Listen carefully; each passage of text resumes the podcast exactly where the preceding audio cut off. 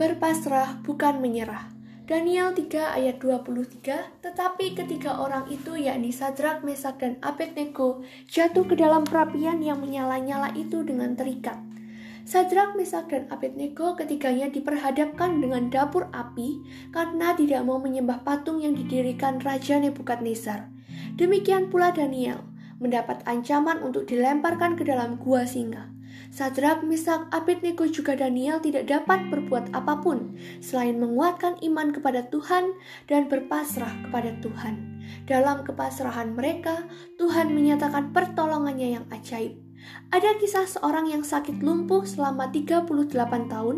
Ia sudah berada di sekitar kolam Bethesda dan sama sekali tidak dapat melakukan upaya apa-apa.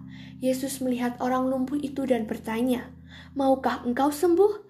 Jawab orang sakit itu kepadanya, Tuhan, tidak ada orang yang menurunkan aku ke dalam kolam itu apabila airnya mulai goncang. Dan sementara aku menuju ke kolam itu, orang lain sudah turun mendahului aku. Kata Yesus kepadanya, Bangunlah, angkatlah tilammu dan berjalanlah.